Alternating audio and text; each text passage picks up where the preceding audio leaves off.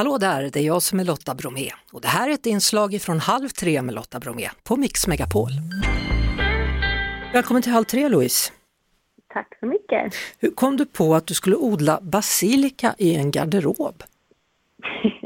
ja, det är faktiskt lite roligt. Ehm, den artikeln blev aningen missvisande. För Det var nämligen inte vår idé att specifikt odla basilika utan vårt projekt startade och handlar fortfarande om att få in mer grönska i storstäder. Och detta gjorde vi då med hydroponiska odlingar. För precis som du sa så möjliggör ju det att odla året runt och även inomhus utan dagsljus.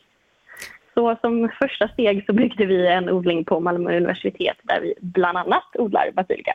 Alltså hydroponisk odling, för den som inte vet, berätta vad är det för någonting?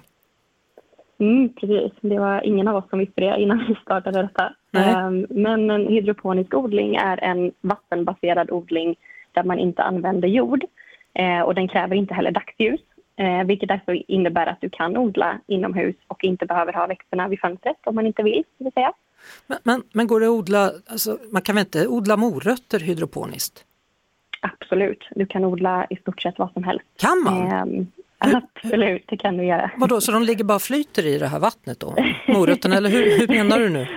Precis. Eh, nej, eh, jag kan förklara. Det är mer konkret att man behöver ha en kruka då som håller vattnet mm. och sen behöver du ha någonting att sätta fröer i. Så vad du gör är att du sår frön. Eh, och vi använder då till exempel en form av isolering, stenull vill jag minnas att den heter som vi då satte fröerna i. Och sen behöver man givetvis vatten, men man använder samma vatten så det är inget man byter, så du sparar massor på det. Ja. Eh, och i det vattnet så tillsätter du då ett par droppar eh, näring eh, och använder sig sen antingen av en ledlampa eller vanligt dagsljus och sen sköter den resten. Var tredje vecka ungefär behöver du titta till det. Ehm, så det är otroligt lättskött. Det är som en kruka som sköter sig själv. Men alltså är det här framtiden? Det kan man väl säga. Det finns massor av länder som använder sig av hydroponisk odling. Eh, Singapore och Nederländerna till exempel. Vi gör även det i Sverige, men inte, inte lika eh, uttalat som på, på andra ställen. Mm. Eh, så vi hoppas att vi kan sprida lite kunskap i och med detta projektet. Ja, verkligen. Alltså, hur ser utvecklingen av projektet ut? Ska ni testa något mer, odla något annat?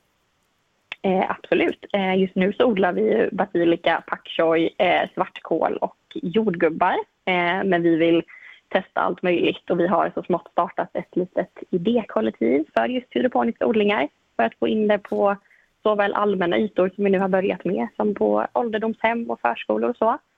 Man kan ta vara på fördelarna av att få in grönska inomhus. Det är ju såväl för miljöns skull som för din egen hälsa. Ja, verkligen.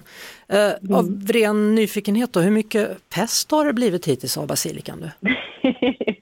Ehm, ja, Jonathan höftade där på att det blev ungefär eh, två liter men vi får ju också tillägga att det finns fler ingredienser i pesto än just basilika. Vi kanske inte ska ge hydroponiska systemen all cred för hans pestotalang. Men är det var ju roligt. Är det dyrt att skaffa sig en sån här hydroponisk odling eller? Det behöver det absolut inte vara. Eh, om man inte vill bygga den själv så finns det olika varianter som man kan köpa. Men, men man, kan, man kan göra det själv. Det är, är superenkelt och vi byggde ju en, en storskalig modell för Malmö universitet eh, och jag tror att vi la en 500 kronor kanske mm. och då var ju det stort. Så i hemmet så kommer du undan med ja, mindre. Spännande! Stort tack Louise Westberg för att du ville berätta. Ja, men tack själv. Ja, nu har man lärt sig lite om fler. Ja, hydroponisk odling, det var namnet. Precis, precis. Vi hörs såklart på Mix Megapol varje eftermiddag vid halv tre. Ett poddtips från Podplay. I podden Något Kaiko garanterar östgötarna Brutti och jag, Davva, dig en stor dos skratt. Där följer jag pladask för köttätandet igen. Man är lite som en jävla vampyr. Man har fått lite blodsmak och då måste man ha mer. Udda spaningar, fängslande anekdoter och en och annan arg rant. Jag måste ha mitt kaffe på morgonen för annars är jag ingen trevlig människa. Då är du ingen trevlig människa, punkt. Något kajko, hör du på podplay. Därför är gardinerna.